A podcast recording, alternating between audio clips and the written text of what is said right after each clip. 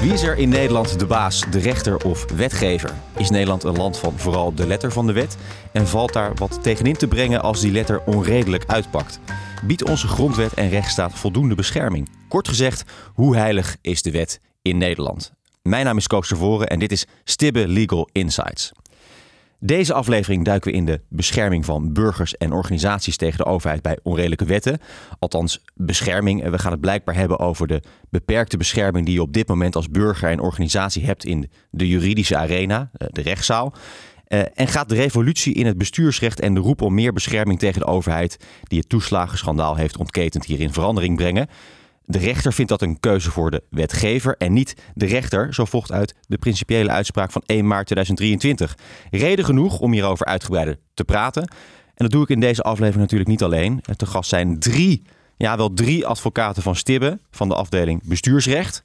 Aanwezig Tom Barkhuizen en Jake Tingen, eh, allebei advocaat bij Stibbe. Maar ook Annemieke Zwanenburg, ook advocaat bij Stibbe, maar ook mijn co-host van vandaag. Welkom allemaal. Dankjewel, Koos. Dankjewel. We gaan toch even beginnen met uh, wat dingen uitleggen, denk ik, uh, voor deze vrij theoretische aflevering. Uh, laten we eerst even vaststellen, wat zijn nou onredelijke wetten? Jake. Ja, met onredelijke wetten bedoelen we, denk ik, wetten die heel onredelijk uitpakken in een concreet geval, omdat het bestuur gebonden is aan de wet. Um, de, de, overheid, de bestuursorganen die de overheid vormen, die moeten besluiten nemen uh, om uh, in een concreet geval de wet toe te passen. En het komt voor, het komt vrij vaak voor zelfs, uh, dat bestuursorganen door hoe de wet is omschreven, eigenlijk maar één keuze hebben en op één, eigenlijk maar op één manier een besluit moeten nemen of kunnen nemen.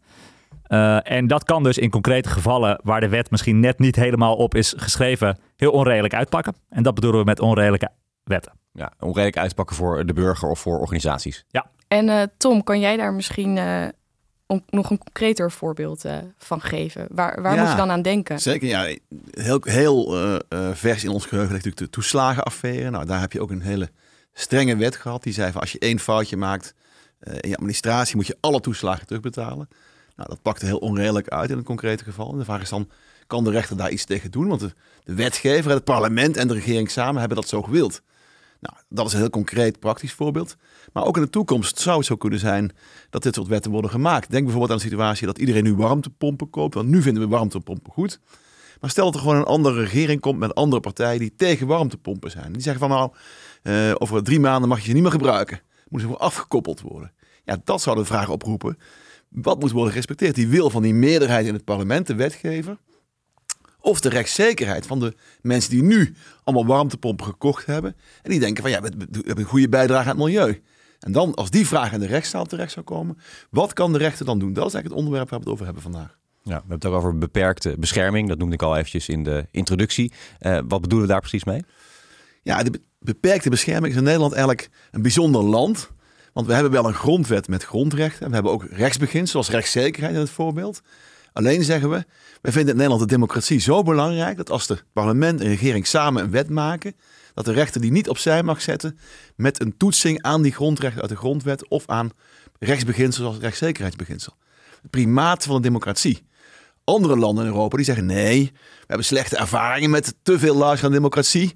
Bij ons moet de rechter het laatste woord hebben. Als de wetgever een onredelijke wet maakt, moet de rechter die sowieso kunnen corrigeren wegens met de grondwet en het rechtszekerheidsbeginsel bijvoorbeeld. Die keuze hebben we Nederland anders gemaakt.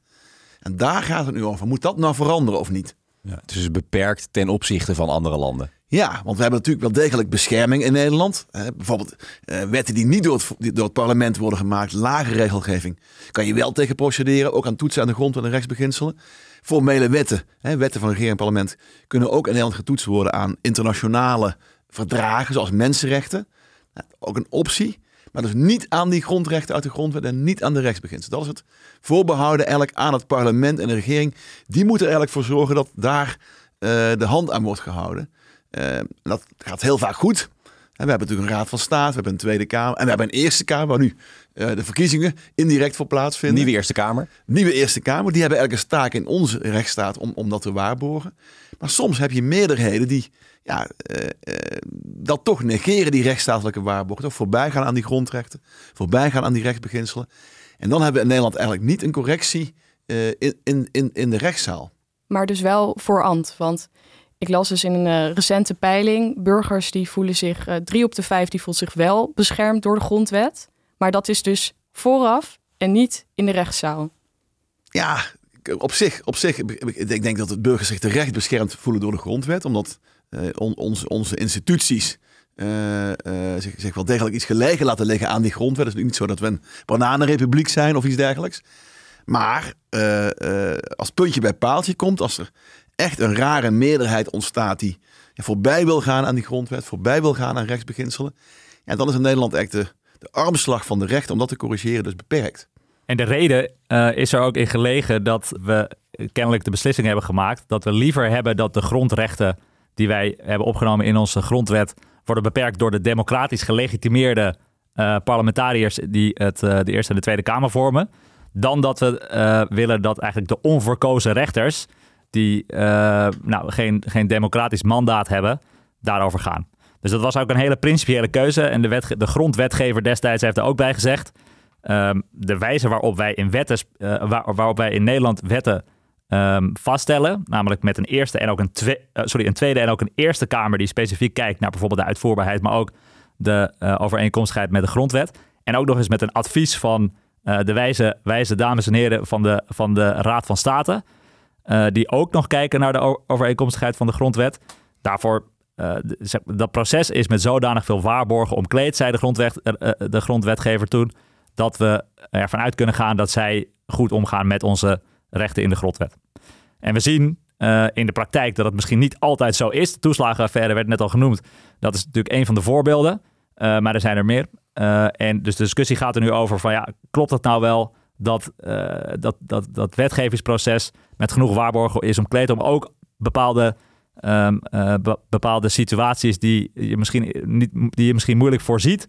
Um, nou, met genoeg waarborgen te omkleden om te zorgen dat de grondrechten beschermd worden.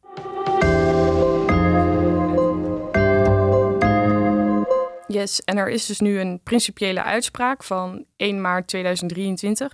Waar gaat die uitspraak over? Ja, is de, een uitspraak van, uh, van, van die datum die jij noemt, uh, Annemieke. Uh, van de grote Kamer van de afdeling bestuursrechtspraak van de Raad van State. Waar dus niet alleen maar mensen uit de Raad van State in zijn, maar ook andere hoogste bestuursrechters. Dat is wel belangrijk om erbij te zeggen. Dus heeft een brede draagvlak heeft het eigenlijk. En die uitspraak gaat eigenlijk over de vraag van... in de grondwet, Jake noemde het al, staat artikel 120 van de grondwet. Daarin staat dat je formele wetten, dus wetten van regering en parlement... niet mag toetsen aan de grondwet en de grondrechten uit de grondwet. Daar staat niet in dat je formele wetten niet mag toetsen aan rechtsbeginselen. Maar de Hoge Raad heeft in 1989 in het harmonisatiewetarrest uit, uitgelegd, die bepaling 120 grondwet, breed uitgelegd. En gezegd van ja, de grondwetgever heeft niet alleen bedoeld om toetsing aan grondrechten uit de grondwet uit te sluiten, maar dan moet je ook in één adem inlezen dat ook niet aan rechtsbeginselen mag worden getoetst.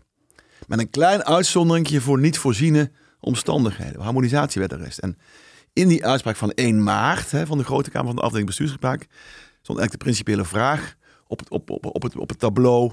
Um, hoe moet je nou anno 2023 artikel 120 grondwet uitleggen? Moet je vasthouden aan die ruime uitleg van het toetsenverbod van destijds, van de Hoge Raad?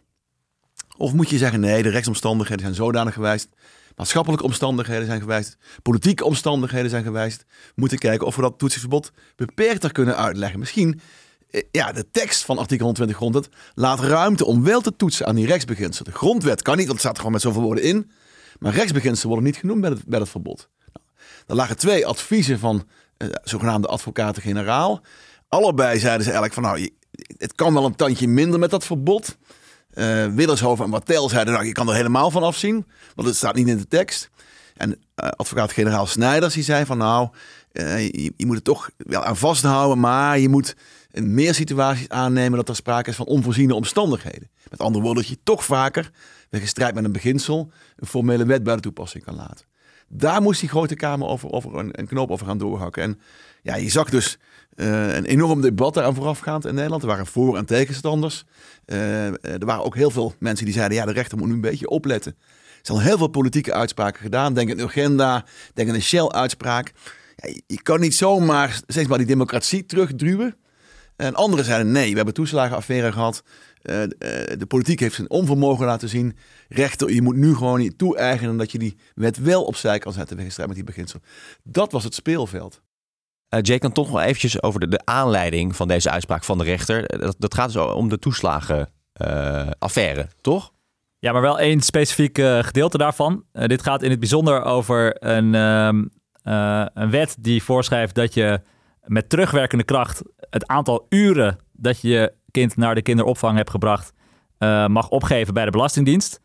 Maar daar heb je een hele harde termijn voor. Dus dat was eerst 20 maanden ongeveer. Uh, en dat is op een gegeven moment teruggebracht naar ongeveer drie maanden. Waardoor er een aantal mensen zijn, waaronder de personen die in dit geval de rechtszaak zijn gestart, die buiten die termijn vielen en helemaal niets kregen over alles wat dus ouder was dan drie maanden. En dat kan om behoorlijk veel geld gaan. En bovendien krijg je dus een voorschot. Dus je moet, eh, als je vervolgens blijkt, als je vervolgens buiten die termijn valt, moet je eh, behoorlijk veel geld terugbetalen. Ja, heb je misschien al uitgegeven. Ja. En heb je het misschien al uitgegeven. Um, uh, en met name ook, uh, er kunnen natuurlijk hele goede redenen zijn waarom je net buiten die termijn valt. En misschien zelfs als er geen goede redenen zijn, kan je je afvragen of het helemaal eerlijk is dat je, als je een termijntje niet haalt, dat je ineens heel veel geld moet terugbetalen aan de Belastingdienst.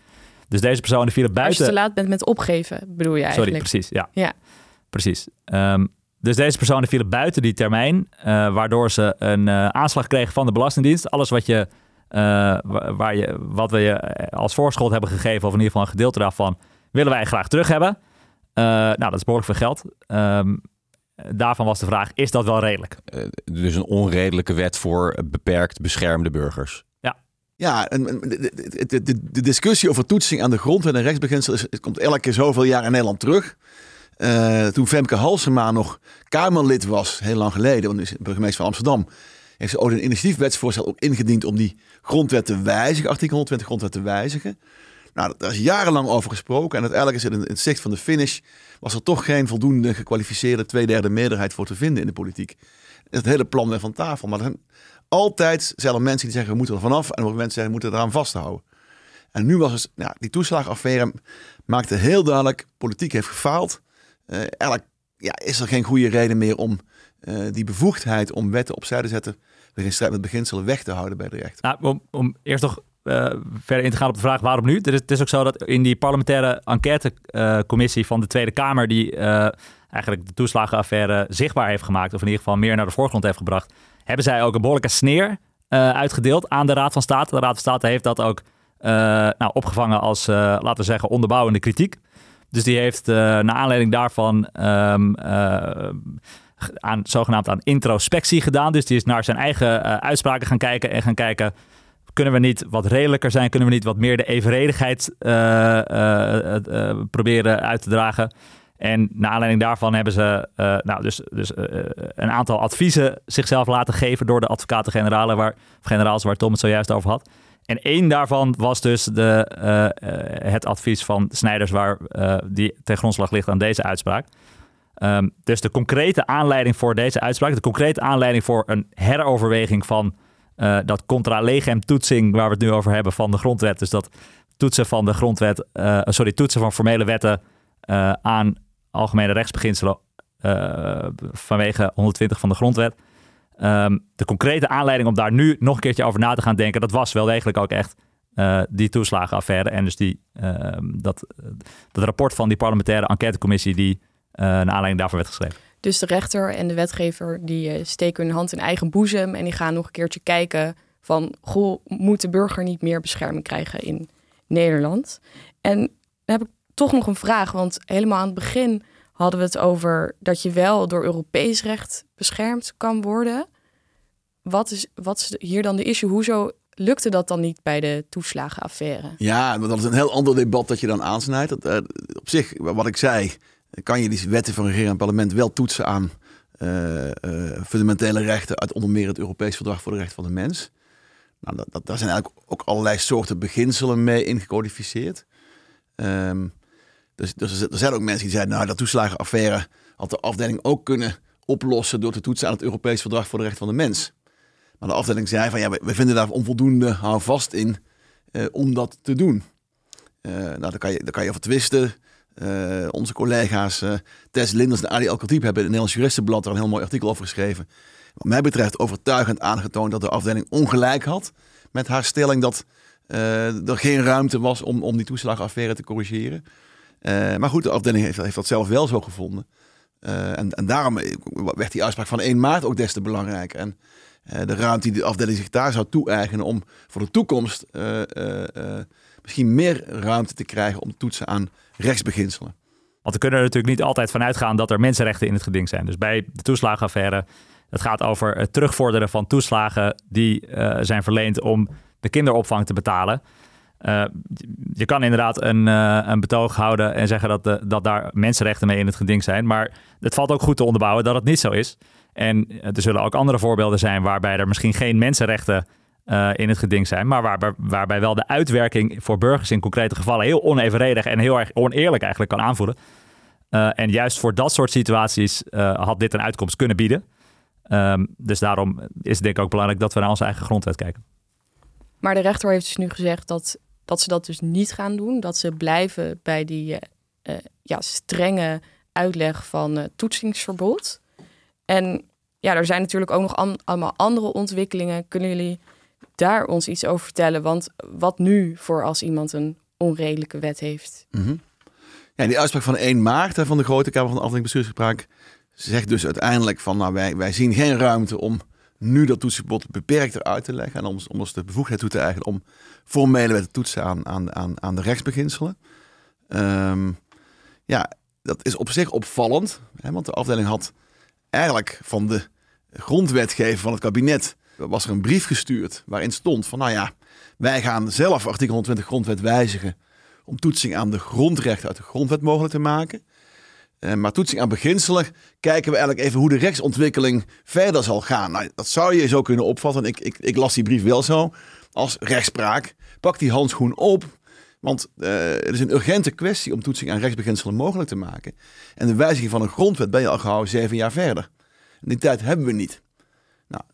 De Grote Kamer heeft, heeft niet die handschoen opgepakt. Heeft toch gezegd, we blijven bij die oude harmonisatiewetformule. Iets meer ruimte om af te wijken. Maar toch, uh, dat hebben ze niet gedaan. En dat is dus, vind ik, vind ik jammer uh, voor de rechtsbescherming. Want er blijft, zoals Jake net aangeeft, blijft er toch een stuk van de zaken waar onredelijke wetten niet door de rechter kunnen worden aangepakt in Nederland nu. Nou, dat maakt, maakt het eigenlijk heel urgent, de vraag die jij ook stelt. Um, wat moet er nou gebeuren om dat wel mogelijk te maken? Nou, uh, er zijn een aantal initiatieven die, die, die op de plank liggen. Eentje daarvan is um, de wijziging van de Algemeen Bestuursrecht. Het idee is, en daar is nu een concept wetsvoorstel voor gemaakt, om daaraan toe te voegen een bepaling waarin staat dat, en dat is heel bijzonder, hè, want de Algemeen Wet Bestuursrecht is een wet gemaakt door regering en parlement. En daar zou moeten, moeten komen te staan dat wetten nooit in een concreet geval onevenredig mogen uitpakken. En dat als het nodig is, de rechter de uh, formele wet opzij mag zetten wegens strijd met het evenredigheidsbeginsel. Het is eigenlijk heel bijzonder dat je in een formele wet, wat de ABB is, zegt dat je een andere formele wet opzij mag zetten. Dus nou. de rechter krijgt eigenlijk toestemming van de wetgever om af en toe de wet opzij te schrijven ja. met die ja. AWB. Toestemming van de, van, de, van de huidige formele wetgever, het huidige regering en parlement. Nou, en, en, ons idee is dat dat, dat dat voor een heel hoop gevallen goed kan gaan werken. Voor met name onvoorziene, onredelijke effecten van wetgeving.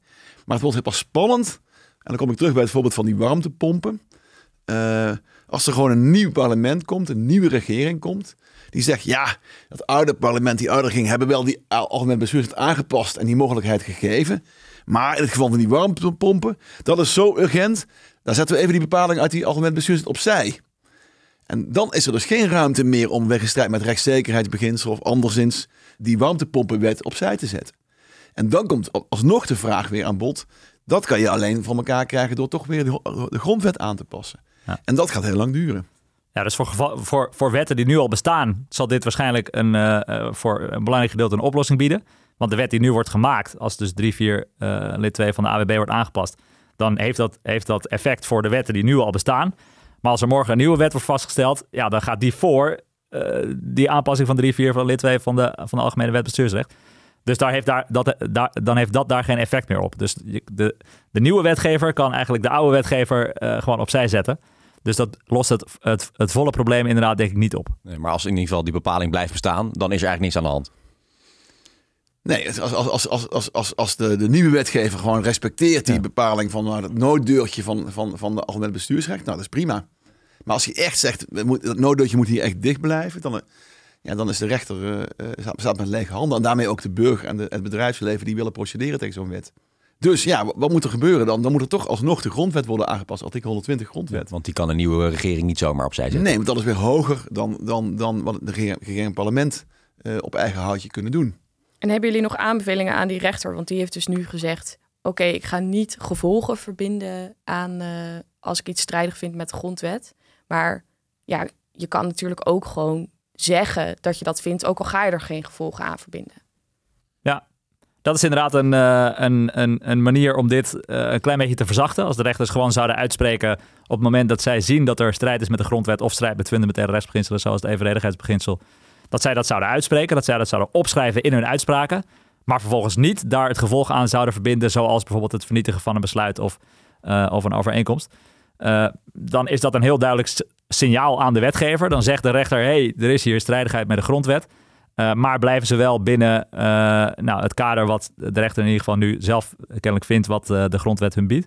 Dus dat zou inderdaad een, een, een oplossing zijn. Een andere oplossing, denk ik, is ook wat de advocaat-generaal Snijders, die Tom zojuist al aanhaalde, suggereert. Je zou natuurlijk ook het, het zogenaamde luizenpaadje van het harmonisatiewetarrest wat kunnen oprekken. Ik zal het een klein beetje uitleggen. Dus in het harmonisatiewetarrest hebben ze, hebben ze besloten fundamentele rechtsbeginselen, daar mogen wij niet aan toetsen als het gaat om formele wetgeving.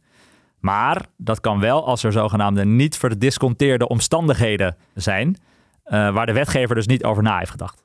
Dus als de wet voor geval A is, geschreven, maar in een heel bijzonder geval uh, B uh, pakt het eigenlijk heel onredelijk uit en de wetgever heeft daar helemaal niet over nagedacht. Die heeft niet voorzien dat dit ook zou kunnen gebeuren op basis van die wet. Hebben ze gezegd, nou, dan zou je misschien wel die wet buiten toepassing kunnen laten. Het is alleen zo dat daarna, um, sinds 1989, toen dit arrest is gewezen, is eigenlijk zelden toegepast. Dus het is heel streng. Um, en advocaat-generaal Snijders die heeft eigenlijk gezegd, nou dat systeem uh, waarbij je niet uh, toetst aan fundamentele rechtsbeginselen, tenzij er sprake is van bijzondere niet verdisconteerde omstandigheden, is op zich oké. Maar dan kunnen we wel wat soepeler omgaan met wanneer er sprake uh, is van niet verdisconteerde omstandigheden. Bijvoorbeeld als de wetgever in de zeg maar, de behandeling die, die heeft geleid tot de totstandkoming van die wet er niets over heeft gezegd, dan kunnen wij er misschien in gevallen waar het onredelijk uh, uitpakt ervan uitgaan dat de wetgever dit toch zeker niet bedoeld kan hebben. En dat we daarom toch de wet opzij zetten. Dus dat zou ook nog een manier kunnen zijn. Maar dus als één politieke partij een onredelijk idee heeft en dat gewoon roept in de Kamer, dan zou de rechter al kunnen zeggen: um, de wetgever heeft er wel aan gedacht. Zeker, en dat, uh, dat is hoe het tot nu toe ook altijd is, uh, is toegepast. Uh, dus dat is het gevaar ervan. Dus het, de oplossing is niet uh, een oplossing voor alles. Maar je, zou er, je, je kan denk ik wel een beetje schakelen in hoe soepel je hiermee omgaat. Ja. Maar je ziet ja, de uitspraak van 1 maart van de Grote Kamer gaat eigenlijk niet, niet mee met Snijders op dat punt. Die zegt eigenlijk van nou ja, die, die nooddeur die is er wel, maar we gaan hem niet, niet substantieel meer openzetten dan die open stond. In die zin maakt het dus toch nog, nog wel heel urgent dat de grondwet alsnog wordt aangepast. En we hadden het dus net over de uitspraak en de gevolgen daarvan. Dat de rechter dus zegt, oké, okay, ik ga het toetsingsverbod niet uh, minder breed uitleggen. Zijn we eigenlijk blij met die uitspraak? Nou, ik denk in algemene zin uh, had ik er meer van verwacht. Uh, had, had ik toch echt de hoop dat de afdeling in ieder geval zelf zou kiezen om dat toetsingsverbod beperkter uit te leggen. Dus toetsing aan, de, rechtsbeginselen mogelijk te maken. Uh, en niet alleen via de nooddeurconstructie, maar meer in algemene zin. Uh, nogmaals, ook omdat eigenlijk de regering zelf al had aangegeven om het een beetje aan de rechtspraak over te willen laten. En omdat het alternatief de wijziging van de grondwet is, wat gewoon heel lang gaat duren. Dus we zitten dan weer vijf, zes, zeven jaar lang, waar rechters dus niet aan die beginselen kunnen toetsen, met alle risico's van dien. Dus ik ben er niet blij mee, maar ik had wel een klein beetje begrip voor, omdat je als rechter natuurlijk altijd uh, uh, moet kunnen, kunnen, kunnen, kunnen steunen op gezag in de maatschappij en gezag in de politiek. En als je dat kwijtraakt, um, ja, dan kunnen je uitspraken wel bindend zijn, maar dan, dan loop je een heel groot risico dat de rechtspraak wordt genegeerd. Dus het altijd zoeken naar een, een soort zijden draadje. Als je dat te hard aan trekt, dan ben je dat gezag, ben je legitimatie kwijt. En dan breng je ook de rechtspraak in gevaar. En ik denk dat, dat, dat uh, uh, bij de uitspraak op de achtergrond heeft meegewogen. Dat er al de afgelopen jaren een aantal hele ingrijpende rechtelijke beslissingen zijn geweest. die onze maatschappij enorm beïnvloeden. Denk aan de agenda-uitspraak, maar denk ook aan de uitspraak over de stikstof, de pas-uitspraak. die Nederland toch een beetje op slot heeft gezet. En die ertoe leidt dat allerlei boeren uh, misschien ook uitgekocht moeten gaan worden. Ehm, denk aan de uitspraak over Groningen, over de winning van het Gronings gas. Allemaal situaties waarin de, waarin de rechtspraak in de politieke arena heeft geïnterveneerd. En heeft gezegd, nou, de politiek wil misschien wel hiermee doorgaan, maar het mag even niet meer. Wij trekken uh, uh, aan de rem. En ik had het idee dat, dat, nog een vierde laag eraan toevoegen, door ook nog een keer in algemene zin die bevoegdheid van die rechter te vergroten, dat toetsing aan die rechtsbeginsel mogelijk te maken. Dat men dacht van ja, maar daar gaan we misschien dat zijdendraadje kapot trekken. En dan verspelen we ons gezag. We moeten even pas op plaats maken. Even kijken of we niet die legitimatie van de politiek zelf kunnen krijgen voor de toekomst. En daar heb ik dan wel weer begrip voor. De rugdekking van de wetgever, wat je net ook zei. De rugdekking van, van de wetgever, de rugdekking van de politiek, uh, om, om de rechter die bevoegdheid te geven. Kijk, in andere landen, en die noemden het ook al even aan het begin, uh, heeft de rechter veel meer armslag. Hij mag die aan, aan de grondwet en de grondrecht toetsen, mag hij aan rechtsbeginsel toetsen, land als Duitsland. Maar daar heeft de grondwetgever ook na de Tweede Wereldoorlog echt met overweldigende meerderheid voor gekozen in Duitsland. Vanwege de ellende die aangericht was door door een democratie die ontspoord was, heeft men gezegd in dat land, ja, maar bij ons land moet de rechter het laatste woord hebben. Dus die rechters daar, die doen dat met heel veel verf en ook heel, heel goed. Eh, maar wel met de volledige rugdekking van, van het parlement, van de politiek. En dat ontbreekt in Nederland zolang de grondwet niet aangepast is. En op zich, um, we hebben eerder dus gezegd, we denken dat de, dat, de, dat de tekst van de grondwet, van artikel 120 van de grondwet, wel de ruimte laat om te bieden om, om te toetsen aan fundamentele rechtsbeginselen. Maar tegelijkertijd, als je kijkt naar gewoon de totstandkoming van, uh, van de grondwet en wat daar, het debat dat daaraan vooraf is gegaan, het is best wel klip en klaar ook dat zij niet de bedoeling hadden dat er op basis van, uh, nou, dus artikel 120 van de grondwet wel zou kunnen worden getoetst aan fundamentele rechtsbeginselen. Dus je kan het misschien wel, je, je zou kunnen lezen in de wet dat ze hiervan af uh, zou, hadden kunnen wijken. En dat, dat geloof ik ook echt. Maar het is ook wel begrijpelijk dat zij zeggen: nee, de grondwetgever heeft dit duidelijk niet bedoeld. De grondwetgever heeft ons een duidelijke opdracht gegeven om ons te houden aan de letter van de wet en niet op basis van fundamentele rechtsbeginselen die wet opzij te zetten. Ja, dus uiteindelijk, als we weer teruggaan naar de eerste vraag: hoe heilig is de wet in Nederland? Nou, vrij heilig. Behoorlijk heilig. Nou ja, heilig. Maar dan toch een beetje in de katholieke zin van het woord, denk ik. Hè, dat er toch altijd ja. ruimte is om, om niet helemaal volgens de regels te handelen als daar een goede reden voor is. Okay. uh, en, en, dat betekent dus dat er ja, ook wel degelijk toetsing aan die mensenrechten mogelijk is. Hè, en die Europese uh, beginselen mogelijk is. Dat geeft al een beetje minder heiligheid, zou je kunnen zeggen. Of ja, misschien nog geen aflaat, maar nou, in ieder geval wel, wel, wel, iets van, van ruimte om, om te zondigen, om het zo maar te zeggen. Uh, en, en uh, nogmaals, rechters hebben natuurlijk ook ook de mogelijkheid, en, en Jake noemde dat al, om dat nooddeurtje van, van het harmonisatiewetarrest, om dat toch ietsjes mee te spelen. Ik denk dat, dat, dat daar toch wel iets van ruimte voor, uh, voor bestaat. Dus de wet is behoorlijk heilig, maar niet absoluut.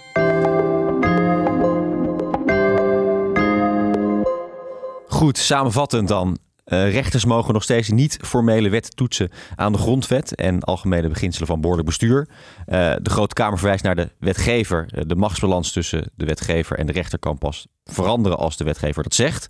nou, dat betekent volgens jullie dat haast geboden is om als wetgever bij de wet te voorzien in meer bescherming voor burgers tegen de overheid. Nu eerst via de AWB, maar ook via de grondwet. Nou, verder is het natuurlijk belangrijk dat de wetgever bij het maken van wetten nog serieus beziet of deze conform grondrechten en algemene beginselen zijn. Dank eh, Annemieke als co-host vandaag en Tom en Jake uiteraard allemaal van Stibbe. Dit was ook Stibbe Legal Insights. vind je deze podcast nou interessant? Druk dan via Spotify op de volgknop of laat een recensie achter via Apple Podcasts. Tot de volgende Stibbe Legal Insights.